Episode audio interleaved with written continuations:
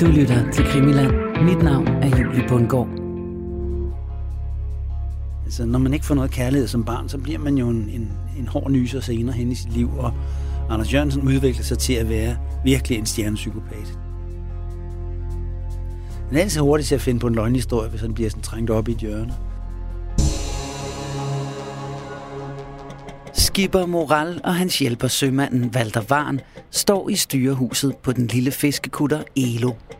Ombord på kutteren er tre andre mænd, som skipper Moral tror, at han skal sejle ud til et andet skib i Øresund. Det er i hvert fald, hvad han har fået at vide af Anders Jørgensen, den af de tre mænd, der har hyret ham til sejlturen. De to andre kender skipper Moral ikke. Men det er også ligegyldigt. Han er her ikke for at møde nye mennesker. Han er her bare for at sejle kutteren og for at få sin hyre. Han har sejlet mændene ud til den sorte rande, et stykke ude i havet øst for Avedøre Holme, og her ligger de nu og driver med strømmen for slukkede motorer og venter på det andet skib. To af mændene er gået ned i lukaffet og har været der et stykke tid, mens den tredje mand, Anders Jørgensen, som forekommer skipper moral en anelse mere lurvet end de to andre, han er netop kommet ind i styrehuset. Nu skal de to andre droppes, siger Anders Jørgensen. Både skipper Moral og sømand Valter Varn kigger forbløffet på Jørgensen. Så er det med at forholde sig roligt, siger han, og tager en stor parabellum-pistol frem fra et hylster, han har hængende under armen. Og kort efter fisker han endnu en automatisk pistol frem fra sin frakkelomme. Han holder den største af pistolerne, som har et sølvemblem på skæftet, op foran de måbende sømænd. Der kan I se. Det er en stor historie, jeg arbejder for. Jeg har det beskidte job at likvidere folk, siger han og pakker pistolerne væk igen og går tilbage til lukaffet. Her taler han ned til de to mænd, og kort efter stikker den ene mand, Hjalmar Olsen, hovedet op. Fra styrehuset kan skipper Moral se Anders Jørgensen resolut trække sin pistol frem fra armhylstret, og straks herefter skyder han Hjalmar Olsen, som bliver ramt i nakken og falder død om på stedet. Skød han ham? spørger sømand Varn. Ja, lige i hovedet, svarede den chokerede skipper, der har set det hele fra styrehuset. Anders Jørgensen vender tilbage til styrehuset for at sikre sig, at sømændene ikke laver noget ballade, men begge er som lammet. Så lyder der råb fra lukaffet igen, og Anders Jørgensen går tilbage og taler ned til den anden mand, Rudolf Nikolaj, der stadig befinder sig dernede.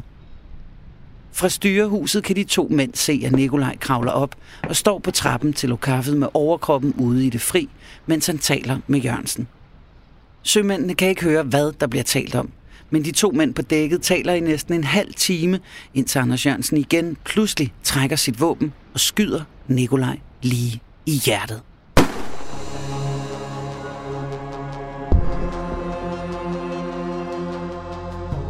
Velkommen til endnu et afsnit i Krimiland-serien Æderkoppen og min morfar. Mit navn er Julie Bundgaard, og øh, via min kriminelle morfar Røde Ejner, som i særdeleshed var aktiv i efterkrigstiden og øh, som blev dømt for bedrageri flere gange, Via hans historie, der har vi bevæget os ind i æderkoppespindet af de store kriminelle typer, der med gangsterlignende metoder styrede især København i efterkrigstiden, og som øh, i sidste afsnit endte med et koldblodigt dobbeltmord i Køgebugt. Et dobbeltmord, som blev begået af manden, du mødte her i begyndelsen af episoden, nemlig Anders Jørgensen. Men morerne på Hjalmar Olsen og Rudolf Nikolaj den skæbnesvangre nat den 22. april 1948 efterlod os med endnu flere spørgsmål. Først og fremmest det alt overskyggende hvorfor. Hvorfor slår Anders Jørgensen, Rudolf Nikolaj og Hjalmar Olsen ihjel? Hvad er hans motiv? Og hvorfor tager de to overhovedet ud midt på Øresund med en type som Anders Jørgensen, som øh, de begge synes er lidt lurvet og en anelse suspekt. Og hvad med de forklaringer, som Anders Jørgensen kommer med bagefter? Blandt andet, at det skulle have haft noget at gøre med dobbeltmordet på Peter Bangsvej, som blev begået et par måneder før dobbeltmordet i Køgebugt. Spørgsmålene er mange, og teorierne endnu flere, men som altid, så bliver vi guidet sikkert igennem dem med hjælp fra vores ekspert Christian Holtet, som øh, har skrevet en bog om dobbeltmordet i Køgebugt, og som også bestyrer hjemmesiden dobbeltdanmark.dk. Og i det her afsnit, der stiller vi skarpt på gerningsmanden Anders Jørgensen. Og så dykker vi ned i den første teori om, hvorfor Rudolf Nikolaj og Hjalmar Olsen blev likvideret i Køgebugt. Og her rykker vi altså ind på den store politiske arena og tilsætter illegal våbenhandel og kæmpestore pengebeløb. Det her er 11. afsnit i Krimiland-serien Æderkoppen og Min Morfar. Et afsnit, vi kalder for Dobbeltmorderen Anders Jørgensen og hans mulige motiv. Vi startede dagens afsnit ude på Øresund den nat den 22. april 1948, hvor Anders Jørgensen med en halv times mellemrum skyder først Hjalmar Olsen og sidenhen Rudolf Nikolaj. Men for at finde ud af, hvorfor han gør det, så starter vi med at kigge lidt nærmere på gerningsmanden selv, nemlig Anders Jørgensen.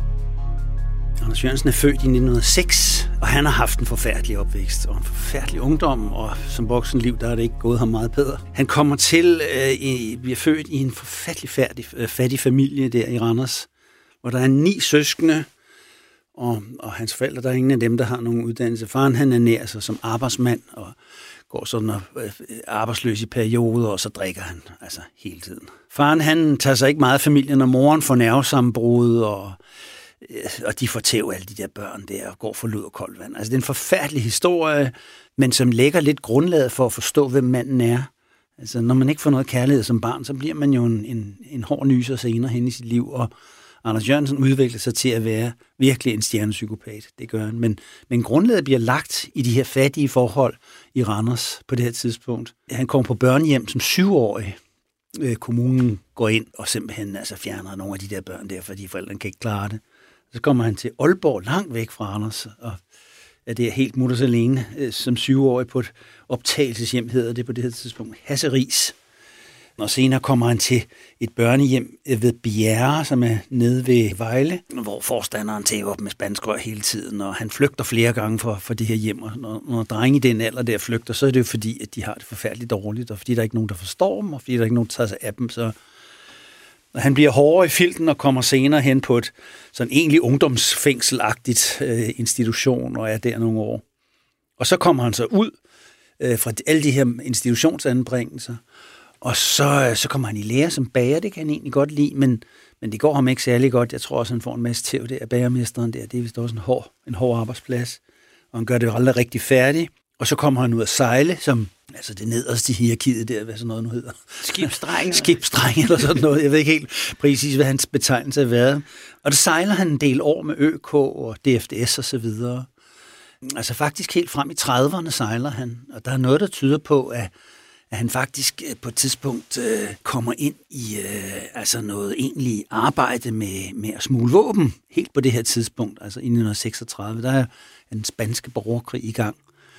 Øh, og der tror jeg, jeg har fundet belæg for, at han er med på en af, af søfyrbøderformanden Richard Jensens såkaldte krudtbåde, som altså smugler våben til den spanske republik. Der tror jeg, han sejler på, på, på en af de både der. Og han er medlem af Søfyrbydernes øh, forbund, så han har åbenbart fået noget arbejde, hvor han står og skovler kul ind i dampmaskinerne der, helt nede i bunden af skibet. Og det tror jeg måske øh, kan være noget, der kan være med til at forklare, hvad der senere sker, og har en betydning for det senere i historien. Han er allerede der stifter ja, bekendtskab der, med... tror jeg, han er begyndt at blive altså politisk interesseret. Han er, han er kommet med ind i nogle kommunistiske kredse. Altså det er der jo masser, der gør på det tidspunkt. For, forholdene er jo forfærdelige, så det er i virkeligheden, altså, som man sige, kommunisterne fisker i rørte vande ikke? med mm. arbejdsløshed. Han går også, i en lang periode går han også arbejdsløs. Han er ikke dum, overhovedet ikke. Han er faktisk ret godt begavet, og det er også det, der er lidt mærkeligt ved det her. Og han opfinder forskellige ting. Han sidder derhjemme og nørkler med forskellige ting. Øh, opfinder øh, blandt andet øh, bundgangsgarn, som ikke rådner og sådan noget ved hjælp af en imprægneringsvæske, og han tager patent på det, og det får man jo ikke sådan bare lige for et eller andet produkt.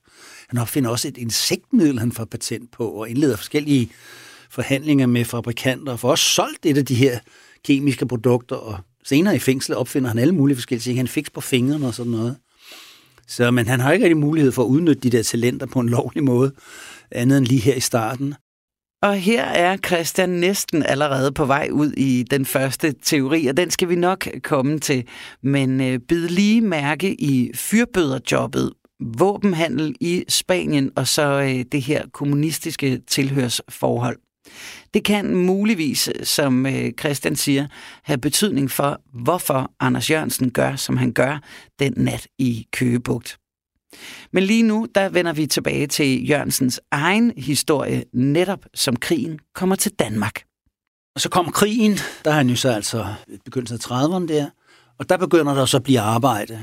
Og han tager arbejde forskellige steder. Han kommer så blandt andet også til Norge, og senere fortæller han til nogle af de kulørte blade, øh, i fængsel, hvad han sidder.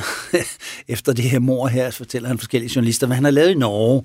Nogle færdelige røverhistorier om, hvordan han har hjulpet den norske modstandsbevægelse og dræbt tyske soldater, og han har sågar dræbt en tysk soldat ved at bide ham i halsen. Og det, det, det, det er altså meget eventyrligt, og formentlig er det mest af det løgn, ikke? Men fordi han har altså en tendens til at fortælle løgnhistorier. Øh, han får også øh, tilnavnet rundt omkring i, i, i den slags kredse der, øh, øh, tilnavnet Løgne Anders, fordi han simpelthen fortæller så meget løgn og latin. Men så kommer han så hjem, øh, altså under krigen der, så kommer han ind i en øh, militær ventegruppe, som hedder P6B. Og det kan godt være, at vi lige skal forklare det der koncept ventegruppe. Altså, hvad, hvad, hvad det egentlig dækker over? Ja, modstandsbevægelsen har jo øh, forskellige afdelinger, og, og mange tror måske, at det er ligesom sådan en, en samlet bevægelse, hvor der er en overkommando, og så går der sådan tråde ud og afdelinger rundt omkring. Men, men det er et meget mere broget billede. Modstandsbevægelsen er i virkeligheden en ansamling af en masse forskellige, ofte af hinanden fuldstændig uafhængige opererende grupper. Man har kommunisterne, som danner Bropa. først hedder det KOPA, kommunistpartisaner, så tager de navnforandring til borgerlige partisaner, Bropa. Man har dem, som arbejder for, altså, mere borgerlige, eller studenter og så videre, Holger Danske, og man har forskellige studenternes efterretningstjeneste, og alle mulige grupper ude i provinsen og så videre. Og de arbejder samtidig sammen, og der er en vis koordinering, der bliver dannet et frihedsråd og så videre. Men så danner man altså også under det her frihedsråd det, man kalder ventegrupper, både militære ventegrupper og civile ventegrupper, som er grupper, der skal træde i kraft i, i, i krigens sidste fase. Og de skal ikke lave aktiv sabotage under krigen. De skal ikke øh, rende og likvidere, som, som Bopa og Holger Danske gør. De skal heller ikke sprænge ting og sager i luften. De skal træne, de træner ud i skove og så videre. De bliver bevæbnet, hemmelige og, og så videre, og får forskellige opgaver. Og Anders Jørgen, han kommer ind i, i København. Der er, er forskellige distrikter i København.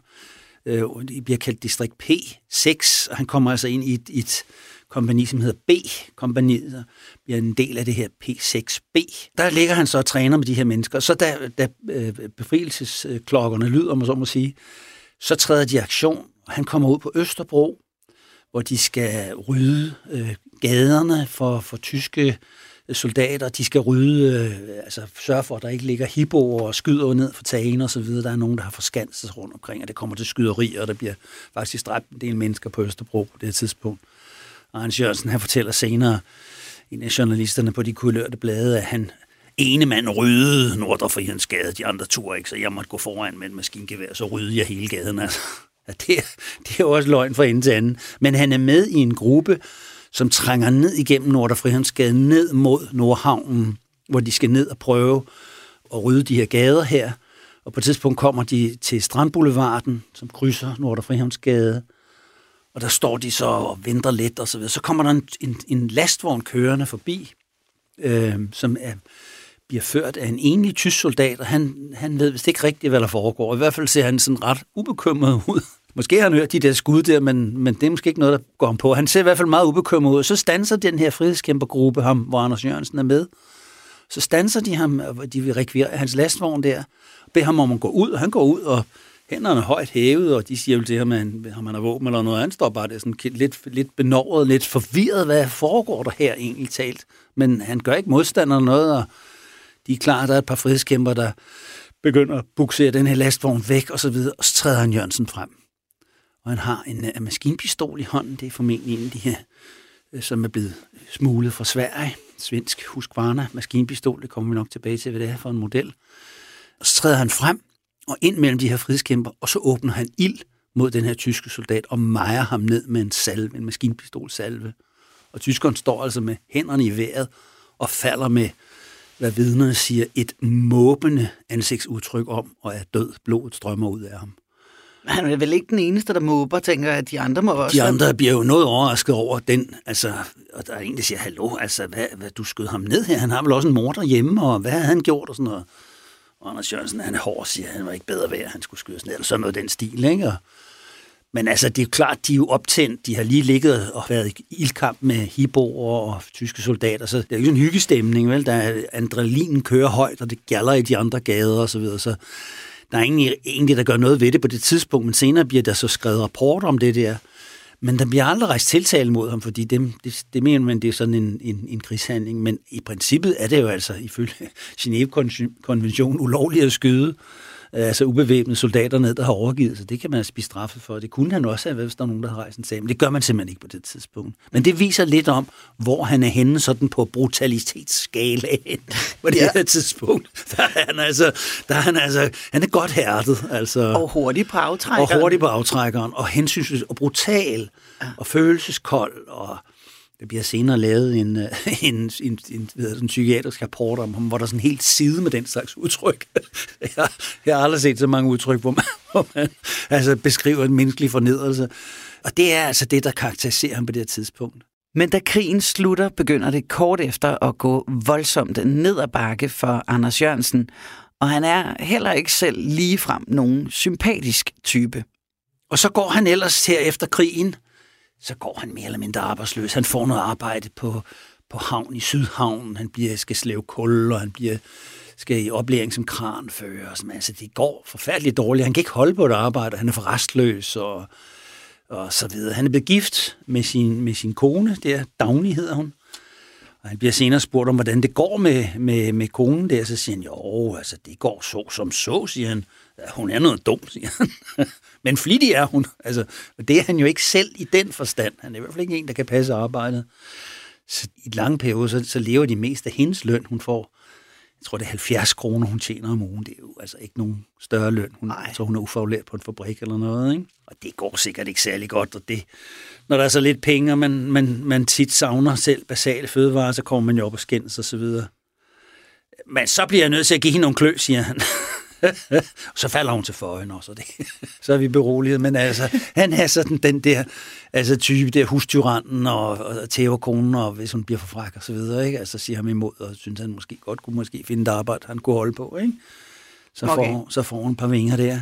Og så går han der og går på socialhjælp og så videre. Og så, øh, så er det, han altså begynder at komme ind i historien.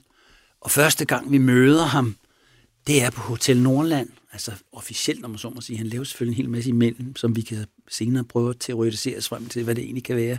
Der er forklaring på det, men der møder vi ham på Hotel Nordland i begyndelsen af 1948. Januar 48 siger han, der går jeg hen på Hotel Nordland, og så kan man så tænke sig lidt, hvad laver sådan en arbejdsløs sømand på Hotel Nordland. Og Hotel Nordland er faktisk et fint hotel. Altså, og folk er velklædte. Det er jo sortbørshandlere, der sidder. De har jaks og slip, hedder der jakke og slips og sådan noget på, ikke? Øh, og sidder og drikker drinks og, og spiser finere fransk mad. Så kommer Anders Jørgensen, og han er lurvet klædt, han har ikke noget pænt tøj. Han falder fuldstændig igennem. Det er der flere, der vil mærke, hvad laver den der bums, er der nogen, der siger, ikke? Eller et dativt udtryk for det samme. Han går rundt der, han kommer altså på en eller anden måde, kommer han i snak med nogle af de der mennesker, der er der.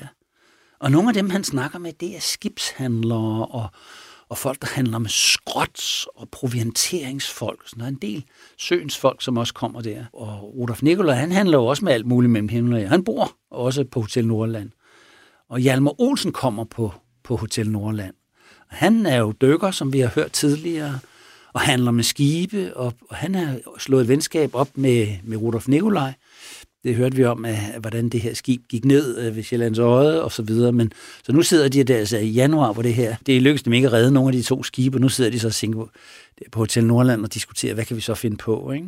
Og så kommer Arne Jørgensen ind, og, og han, øh, han, er, altså, han er frisk til at være med i skibshandler og så videre. Han, han påstår, at han har nogle landgangsbåde til salg og sådan noget. Det er jo selvfølgelig løgn, ikke?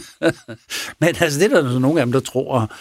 Og, og han fører en masse fabuleringer, fortæller en masse løgnehistorier osv. Han har også en plan om at tage til Grønland og fiske. Ja, han har mange, mange forskellige sjove idéer på det her tidspunkt. Og, og jeg tror sådan set, at når han har kunnet komme i snak med de der mennesker, så er det fordi, at han er rimelig godt skåret fra tungebåndet. Altså fordi hvis han havde været fuldkommen idiot og lignede en vagabund og så, videre, så, var der, så havde de jo vist ham ud. Der havde været nogle lidt brede tjenere, der på et vink fra gæsterne, så havde de hjulpet ham ud på Vesterbrogade, så kunne han stå der og kigge ind, hvis det var det, han ville. Ikke? Men, men det gør han ikke, de tager ham alvorligt. Men undskyld, fordi jeg tænker lidt, sådan en type som Nikolaj, ikke?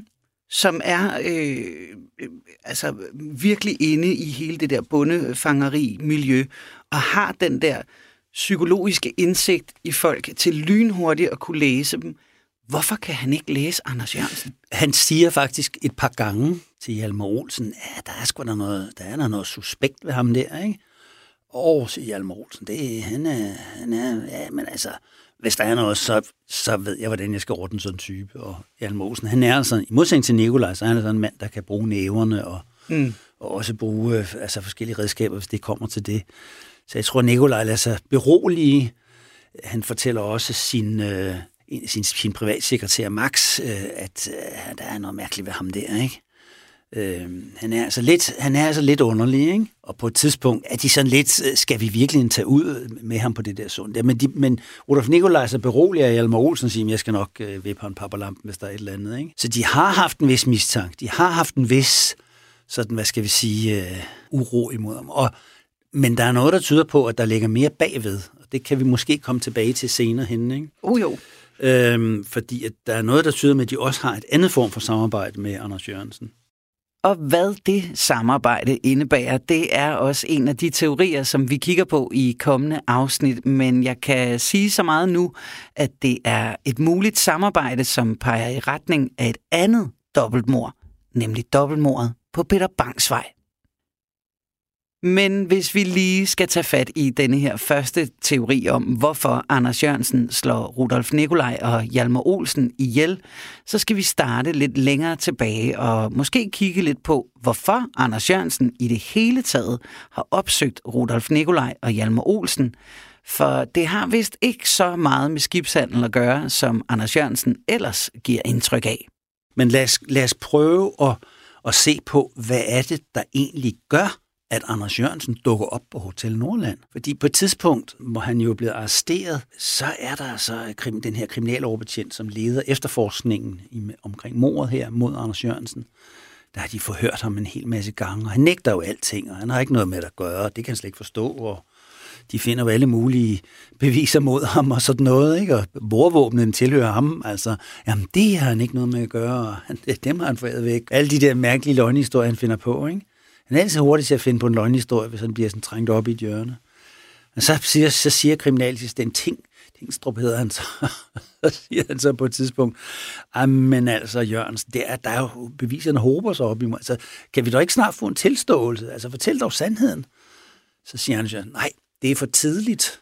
Ja, så det er for tidligt, siger i forhold til hvad? ja, der er sådan en udråbstegn i rapporten der, politirapporten der.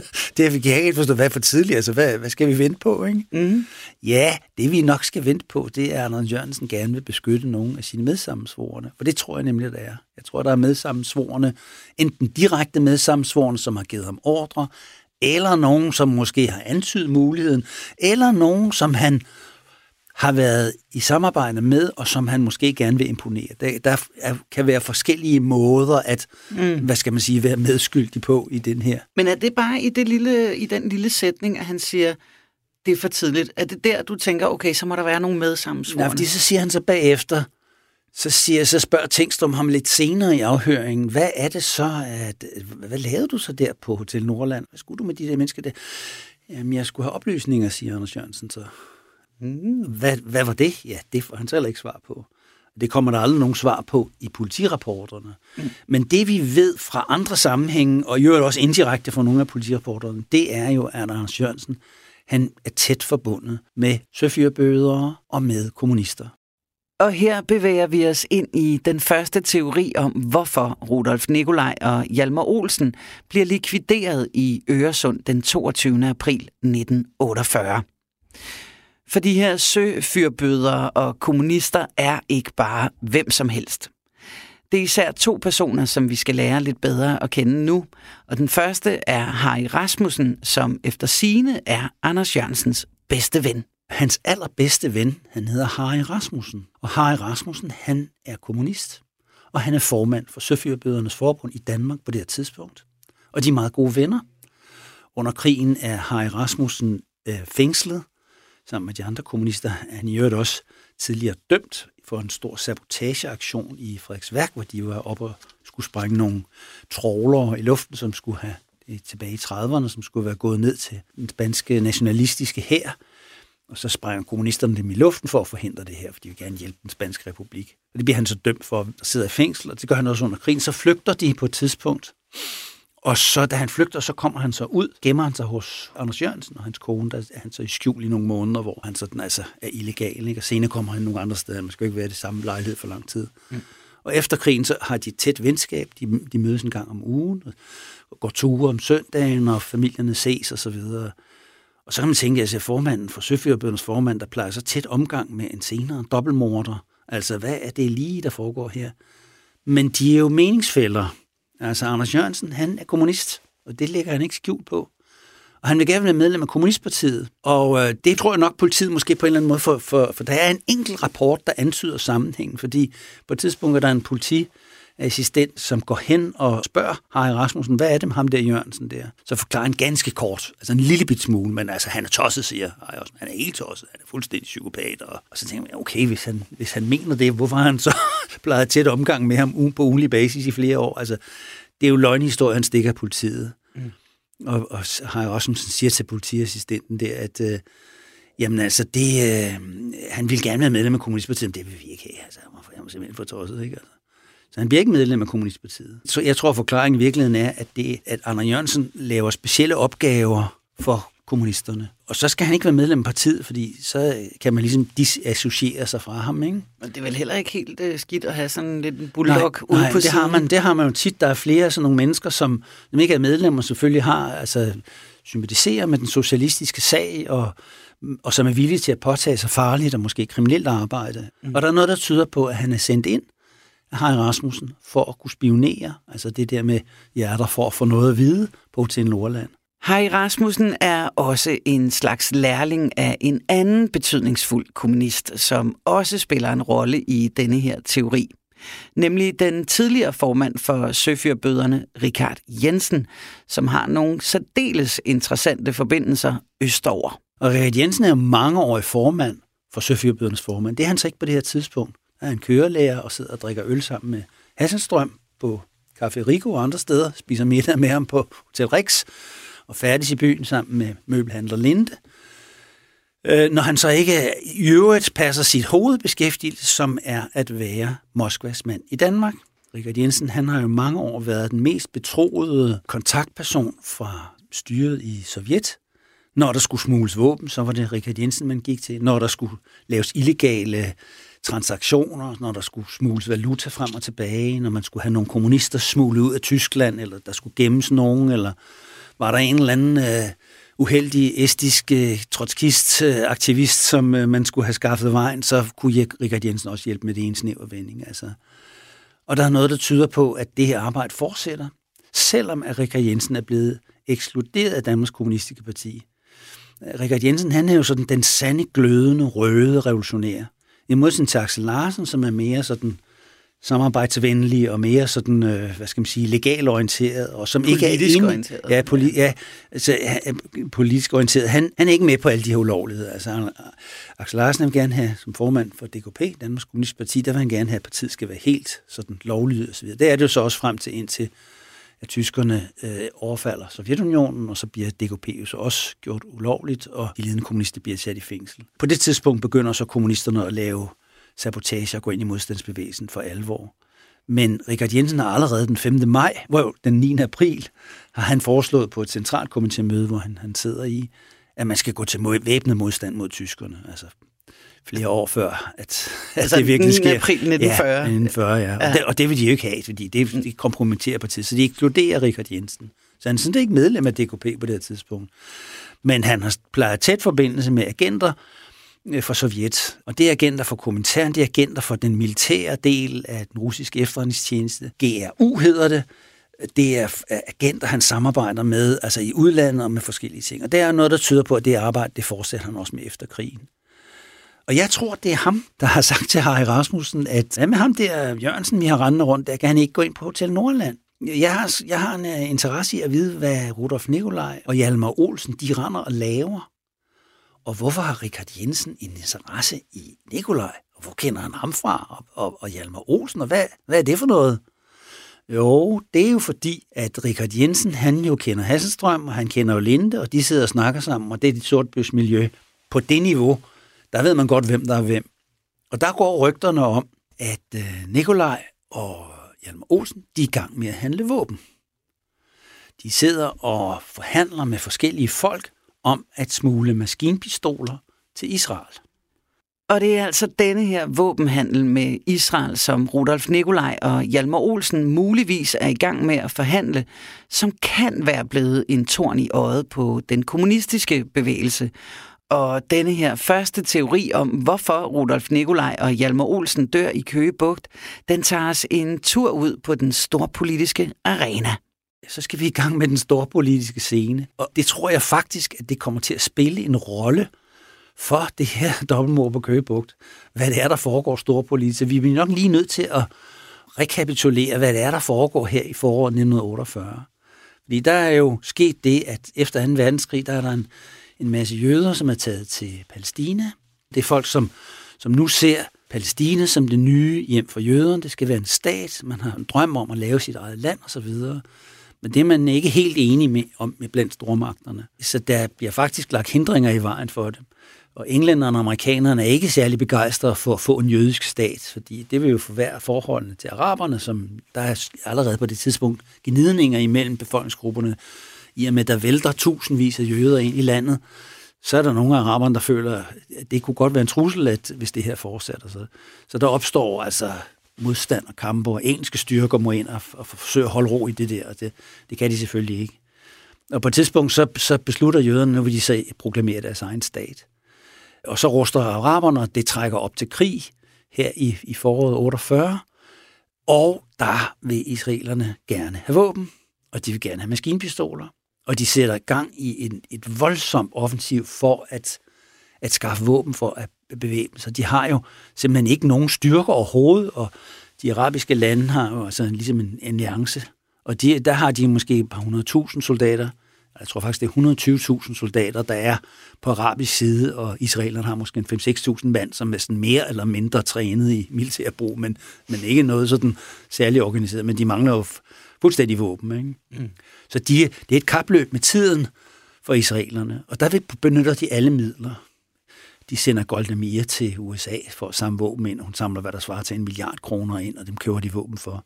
Og så får de en uventet alliancepartner i Stalin. Han tænker, det var da interessant, det der sker dernede. Måske vi kunne få en alliancepartner. Han vil gerne svække englænderne. Han vil gerne svække amerikanerne. Han vil gerne svække deres indflydelse i Mellemøsten, som jo er sådan russerne mener, det er vores baggård det her, ikke? Så det kunne være, hvis vi lavede en alliance med de der israeler, hvis vi satte på den hest, så kunne det være, at vi kunne få dem som allierede. Det kunne være en god idé set med deres øjne. Så Stalin siger, gør så to ting. Han kan ikke gå ind og proklamere, at vi støtter israelerne med våben. Det kan han ikke. Men han kan gå ind og sige til de lande, som er under hans kontrol, og det er typisk lande i Østeuropa, og det er specielt Tjekkiet, som er en meget stor våbenproducent, har været det traditionelt. Skoda-fabrikkerne laver mange våben der kan han gå ind og sige til dem, jeg synes, det var en god idé, hvis I solgte våben under bordet til, eller om så må sige, under hånden til israelerne. Og der er andre lande, som han kan påvirke Polen og så videre. Ikke? Det er den ene, den ene del af det. Den anden del af det, så går der bud ud til alle de illegale apparater, kommunistiske apparater. Og i Danmark, der er det Richard Jensen, man henvender sig til. Og han får besked på, at nu kan du godt hjælpe de der israeler med at smule våben. Og vi kender historien fra Herbert Pundik, som er mange år i øh, redaktør af politikken. Og så på det her tidspunkt, der har en ung jødisk aktivist, som vil slås for Israels selvstændighed sammen med sine kammerater. Han er blandt andet også dernede faktisk og får militærtræning. Men øh, så sender de ham tilbage igen til Danmark for at organisere indkøb og indsamling af våben. Og det gør han meget effektivt. Øh, han henvender sig til alle mulige forskellige, og de køber våben, og de får faktisk også våben. Øh, og det er Richard Jensen, der er med til at formidle det, fordi at øh, han siger til, til folkene i Bopa rundt omkring, og en hel helt del af hans venner, som selvom man ikke er medlem af DKP, men som føler sig i alliance med Richard Jensen, at øh, nogle af de våben, som Bopa har, dem skal de give til Herbert Pundik. Og det gør, det, øh, Herbert Pundik, han fortæller sig i sine rendringer om, hvordan de samler de her våben ind. Han har nogle sjove historier om, hvordan han går rundt omkring med en stor sæk på ryggen. Han har været ude og samle våben ind og bliver forfulgt lidt af politiet og så videre. Og på et senere tidspunkt bliver han antastet af en politimand, øh, som siger, at øh, vi, vi passer på dig, Bundik, altså, fordi øh, regeringen ser gennem fingeren med det her.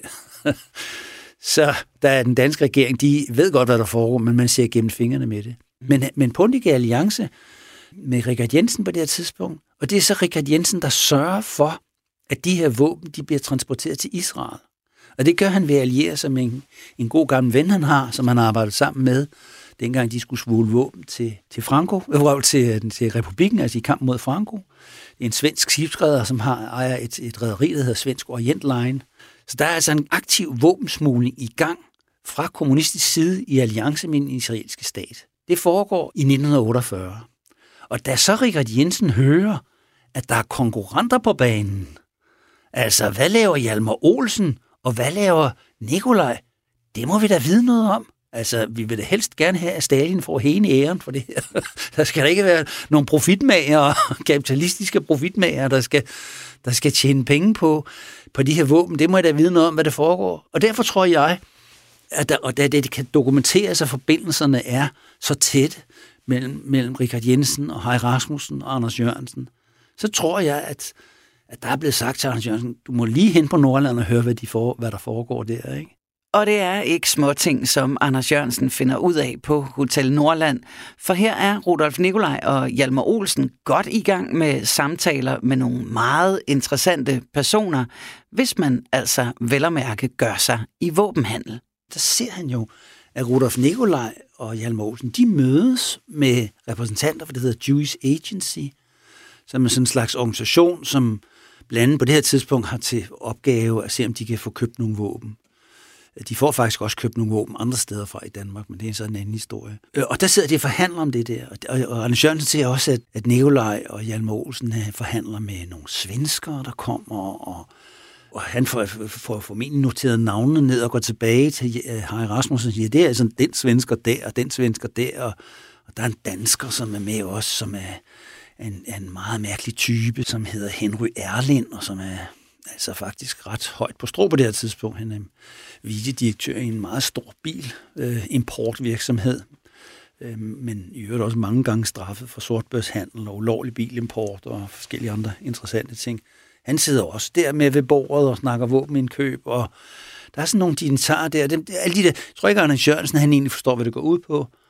Men jeg tror, at Richard Jensen ved, hvad der går ud på. Jeg tror, han ved, hvad det er, fordi han kender nemlig godt, hvem det er, som arbejder med våben, fabrikation og våbensmugling og, og har forbindelserne i orden. Det, det ved han fra gamle tid, og han, han er også orienteret om det fra sine internationale forbindelser, om, om hvem det er. Mm. Og det, jeg tror, han får at vide, det er, at uh, Rudolf Nikolaj gennem svenske agenter har forbindelse til øh, en svensk virksomhed, som øh, sælger våben, og som blandt andet har solgt øh, maskinpistoler til den danske brigade, og øh, også har solgt til den tilsvarende norske brigade. Det er altså styrker under krigen, som ligger i træning i Sverige, en 5-6.000 mand, som skal sættes ind i krigens sidste fase. Det bliver så først efter, at krigen slutter, de kommer til det, men altså, der bliver også indgået en aftale med Frihedsrådet om, at man skal importere øh, 4.000, tror jeg det er, maskinpistoler til Danmark, og øh, AP Møller, som er hovedaktionær i Riffelsyndikatet, som i mange år har solgt våben til tyskerne, han øh, siger nu, må vi også sælge nogen til modstandsbevægelsen. så han betaler, øh, øh, jeg kan ikke huske, det er et millionbeløb eller sådan noget, mange, mange millioner kroner, eller en del millioner kroner for, for, for hvad hedder det, betale de her våben her. De kommer fra den her øh, svenske virksomhed, som er Scandia Stål. Og den her virksomhed, den har tre meget interessante ejere. Den ene ejer, han hedder Oberst Peter Sen, og han er chef for den militære svenske efterretningstjeneste. Men altså så har han som hobby ved siden af at være våben, våben, våbenhandler. Noget af en hobby. og hans, øh, hans næstkommanderende, som hedder Tørnemand, han er også med. Og de går i alliance med en tysker, som hedder Willy Daugs. Og Willy Daugs, han er våbenproducent og har produceret våben i Finland. Han har opfundet en meget, meget effektiv maskinpistol, som er meget, meget, en af verdens bedste maskinpistoler på det tidspunkt. Og dem har han produceret i Finland og solgt til hele verden. Men da Finland bliver overrendt af tyskerne i, i krigens sidste fase, så må Willy Dags flygte til Sverige. Men han tager patentet med, og der bliver så sat gang i de her maskinpistoler efter hans model på de svenske Skvarna-fabrikker. Men han har patentet, og det er dem, der ligesom øh, kan handle med maskinpistoler. Dem sælger de altså til den danske modstandsbevægelse og brigade, og de sælger til nordmænd, og efter krigen sælger de til helt legalt til alle mulige andre. Men de er interesserede i at sælge maskinpistoler til israelerne. Det er jo ikke den samme våbenhandel, som der er under 2. verdenskrig. Der falder jo business lidt, ikke? Så, mm. så man skal være om sig for at få solgt noget. Så, altså, der er fundet maskinpistoler, i, som har været i, altså, brugt i konflikten senere hen. Ikke? Så de er altså kommet derned. Om det er her på Pundix maskinpistoler, eller om det er Willy Dags maskinpistol, det ved vi ikke. Han siger selv, Willy Dags på et tidspunkt, jamen vi har også solgt til israelerne. Og, og jeg mener, jeg kan godt gøre, at der er forbi- direkte forbindelse mellem Rudolf Nikolaj og Hjalmar Olsen helt hen, altså vi er forskellige mellemmænd, helt hen til de her Øh, fyre her. Og jeg tror, de sidder og forhandler om det. Og det er altså denne her forhandling, som falder kommunisten Richard Jensen for brystet, og derfor kan det også godt tænkes, at det er ham, der beder Anders Jørgensen om at holde øje med Nikolaj og Hjalmar på Hotel Nordland. Denne her teori stemmer også meget godt overens med en kommentar, som Anders Jørgensen kommer med til de to sømænd Moral og Varn ude på båden, da han øh, trækker frakken til side og viser dem et emaljeskilt med skriften P6B. Så peger han på det her skilt der, de der to søfolk, de, de kigger måben på det her P6B, det tror jeg ikke rigtigt, der er nogle af dem, der lige sådan fatter, hvad det er, det går ud på. Så peger han på det, og så siger han, det er ligesom det her, jeg arbejder for en international organisation, det er ligesom GPU. Og GPU, det er jo navnet på det sovjetiske hemmelige politi, ej ikke hemmelige politi, altså statspolitiet, ikke? det hedder mm. det på det tidspunkt skifter senere navn og kommer til at hedde KGB og sådan noget. Men på det tidspunkt, der bruger man sådan betegnelsen GPU, og så siger den arbejder for dem her. Det er en international organisation, det her. Altså, så han, altså, han føler lidt, han er, han er i altså, international kommunismens tjeneste der. Ikke? Det er det, han ansyder over for dem. Jeg tror ikke, de forstår, de to sømænd forstår det ikke rigtigt, hvad det går ud på det her. Men, men det fortæller de så senere, måske uden at vide, hvad det er. Så fortæller de her sømænd til politiet, hvad det er. Ikke? Så derfor tror jeg, at da vi kommer frem til den 22. april, og Anders Jørgensen har forberedt sig hjemmefra med revolver og øh, skilte og forklaringer osv., og så der tror jeg, at øh, altså, der er det meningen, at han skal skyde de der. Altså, og, der er det, og jeg tror, meningen er, at han skal skyde dem for, at de ikke skal fortsætte med deres våbenhandel, fordi de er de to centrale danskere i det der.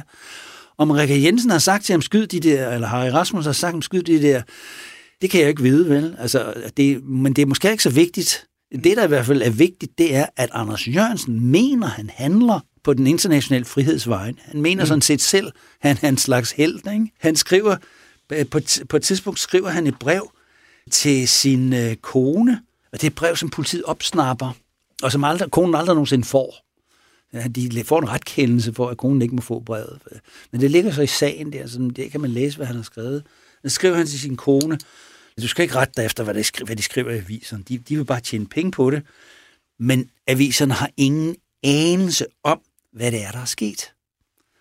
I virkeligheden, så har jeg sparet en masse menneskers liv ved min desperate handling. Samt mit eget, skønt det nu kun er et vrag. Så fortsætter han lidt senere. Motiverne søger alle at blande sig i. Men det er mærkeligt, og de vil blive stillet over for et af historiens mest indviklede problemer. De vil forsøge at få det til at se ud som et rov. Men du skal vide, at jeg vil kæmpe for den lille mands ret, som der ikke bliver hensyn, taget hensyn til, og som der aldrig er blevet taget hensyn til. Altså, det er jo helt tydeligt, at det er ikke uintelligent, det han skriver. Det er helt tydeligt, hvad hans motiv er. Han føler, at han handler i en større sands tjeneste. Det er ikke fordi, han skal have et skib, og hvad skulle han jo også stille op med det skib der. Mm. Det er ikke, fordi han skal hugge deres penge, eller deres ur, eller deres fyld. Det gør han så alligevel, men det, men det, er ikke, det er ikke det, der er hovedårsagen. I hvert fald i hans egen opfattelse. Og det, så kan man så diskutere, forsøger han at dække over noget, forsøger han at pynte på sine handlinger. Det vil forbrydere selvfølgelig altid forsøge på. Ikke?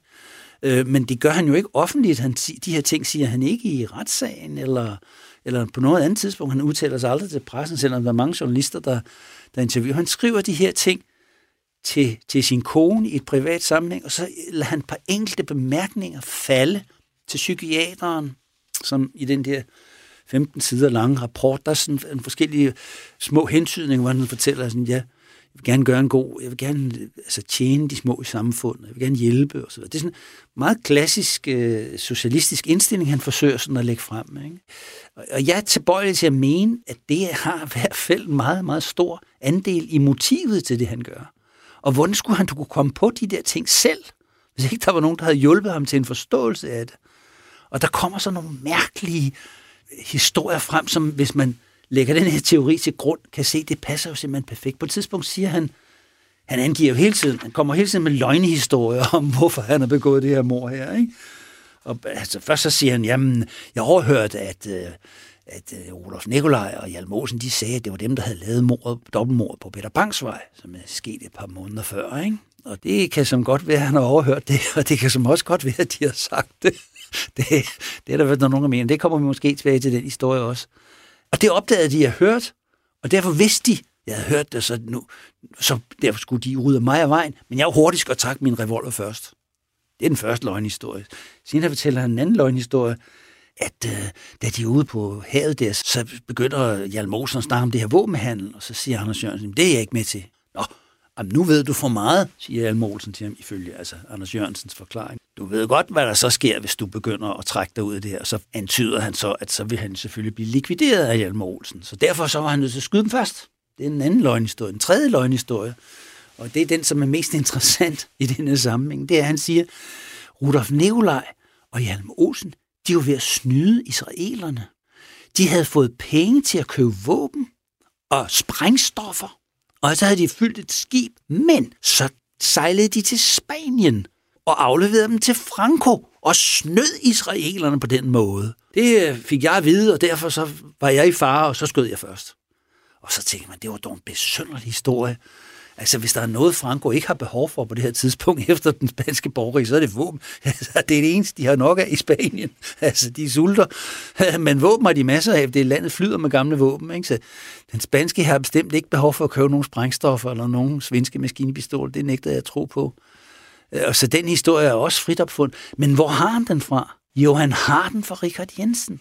Fordi det er præcis det, der er sket for Richard Jensen med Willy Daugs nogle år før. Det er en længere historie, jeg skal ikke fortælle den i detaljen, men på et tidspunkt har Richard Jensen under den spanske borgerkrig lavet en alliance med Willy Daugs og hans partner, Velchen sidder han, to tyske øh, våbenhandlere, hvor, som, altså Richard Jensen ved godt, at de ikke er kommunister, men de har dog haft et øh, godt samarbejde med kommunisterne før. Øh, Dags partner Vilchens, han er pilot, det er Willy Dags også fra Første Verdenskrig, og de har, de har været med til at træne russiske piloter under en hemmelig aftale mellem Tyskland og Rusland.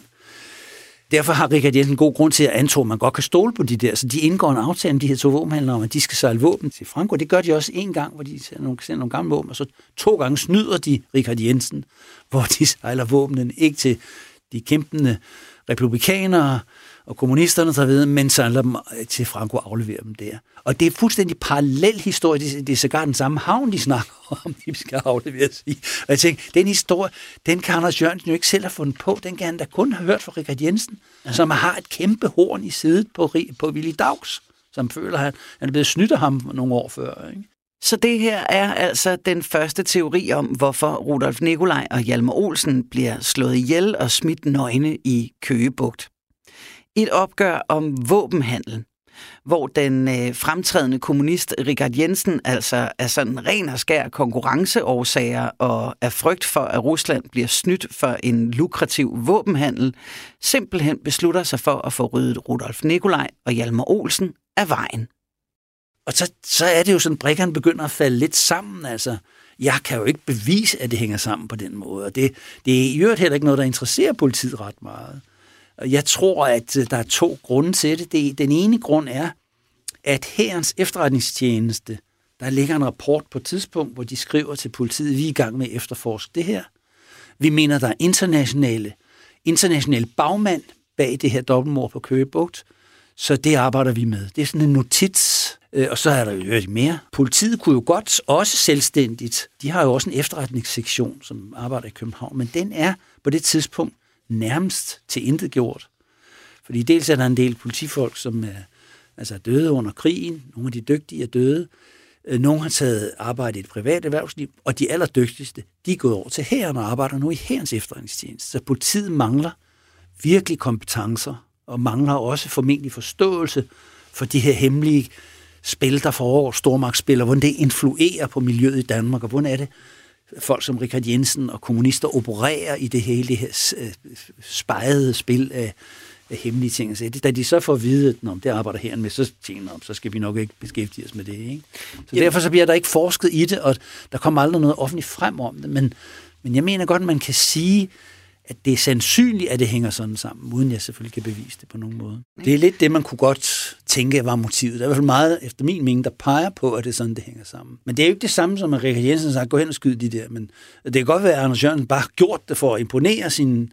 Han, Anders Jørgensen er jo en person, som savner tydelig en faderfigur. Altså han leder efter nogen, som, som kan give ham ros. Altså, han higer efter det der. Det er der ingen tvivl om. Så der kan sagtens være sådan, at han har, han har mere eller mindre handlet på egen hånd. Så, det så synes de nok, at jeg er en farlig fedt. Ikke? Det kan man ikke udelukke, men, men det gør jo ikke sammenhængen mindre interessant, fordi det idéer har han jo ikke selv kommet på. Det er jo ikke sådan, han har opfundet ud af den fri luft. Det er jo fordi, at der har været det her modsætningsforhold mellem kommunister og Herbert Pundik og Stalin og hele det der affære der. Så på den anden side helt almindelige våbenproducenter, som bare skulle tjene penge, og der kan virkelig tjene penge. Det er, på et tidspunkt sidder øh, Hjalmar Olsen og Nikolaj og snakker med en forretningsmand, og det er altså, de kan købe de her maskinpistoler for 300 dollars, tror jeg, det er, de kan købe dem for i Sverige, altså et par tusind kroner, men de kan sælge dem for det tredobbelte i Israel. Altså, de kan tjene flere tusind kroner per pistol. Kæmpe avance. Maskinpistol. Det er en kæmpe avance, formentlig samme på patroner, så det er jo altså virkelig en forretning, der kan være interessant og da man ved, at Hjalmar Olsen, han er, har jo altså ikke lavet andet i fem år, han nærmest end at smule våben frem og tilbage under krigen, under farlige, illegale forhold, og er en dygtig sømand osv. Og, og mange af dem, han snakker med, er jo reddere og så videre.